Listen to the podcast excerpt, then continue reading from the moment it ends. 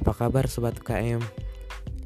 Udah lama nih gak latihan bareng Gak kumpul bareng Gimana nih WFH sama puasanya? Lancar kan? Meskipun di rumah aja dan lagi puasa Tetap jaga ya kesehatannya Ngomong-ngomong, siapa nih yang udah kangen latihan bareng di Cahum? Berangkat bareng dari kampus atas kampus bawah Pulang bareng Latihan bareng Makan bareng Dan apa sih yang kalian kangenin pas latihan di Cahum?